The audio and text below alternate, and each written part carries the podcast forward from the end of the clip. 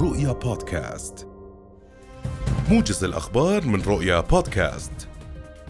أقر مجلس الأعيان اليوم مشروع تعديل الدستور بصيغته النهائية التي سترفع إلى جلالة الملك عبد الله الثاني لتوشيحها بالإرادة الملكية السامية.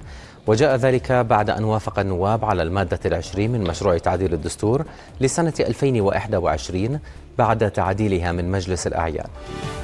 قال عضو اللجنة الوطنية لمكافحة الأوبئة الدكتور مهند النسور إن اللجنة بحثت بالأمس مع وزارة التربية والتعليم الخيارات المطروحة لعودة الفصل الدراسي الثاني. وأكد النسور في تصريح خاص لرؤية أن اللجنة وافقت على توصية لجنة التخطيط في وزارة التربية والتعليم والتي تقضي بتأجيل موعد بدء الفصل الدراسي الثاني حتى العشرين من شباط المقبل. من جانبه قال وزير التربية والتعليم وجيه عويس اليوم إن جميع الخيارات مطروحة بشأن موعد بدء الفصل الدراسي الثاني للمدارس. وأكد عويس في تصريحات خاصة لرؤية أنه لم يصدر أي قرار حتى الآن بشأن الفصل الدراسي الثاني موضحا أن الوزارة متمسكة بعدم العودة للتعليم الإلكتروني حفاظا على مصلحة الطلبة.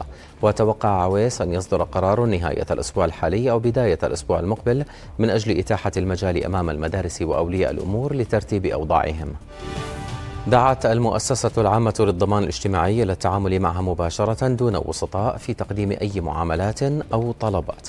وأضافت المؤسسة أن الوسطاء لا يعتبرون جزءا من المؤسسة ولا يمثلونها بأي حال من الأحوال وأن أبوابها مفتوحة أمام الجميع للاستفسار عن أوضاعهم التأمينية وإرشادهم في تقديم المعاملات إلكترونيا. قال وزير الزراعة المهندس خالد الحنيفات إن كوادر وزارة الزراعة تعمل ومنذ بداية المنخفض الجوي الأخير على حصر أضرار الصقيع وستستمر في حصر الأضرار لحين انتهاء الفعالية الجوية القادمة والمضي في الإجراءات القانونية لتعويض المتضررين.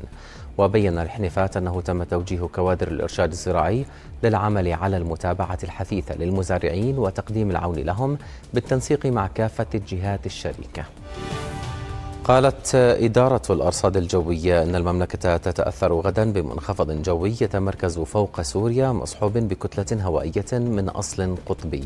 ووفقا للأرصاد تكون الأجواء شديدة البرودة وغائمة وماطرة بين الحين والآخر في شمال ووسط المملكة وتمتد إلى المناطق الجنوبية وأجزاء من المناطق الشرقية. ويحتمل أن تكون الهطولات غزيرة أحيانا مع تساقط حبات من البرد. ما يؤدي إلى تشكل السيول في الأودية والمناطق المنخفضة.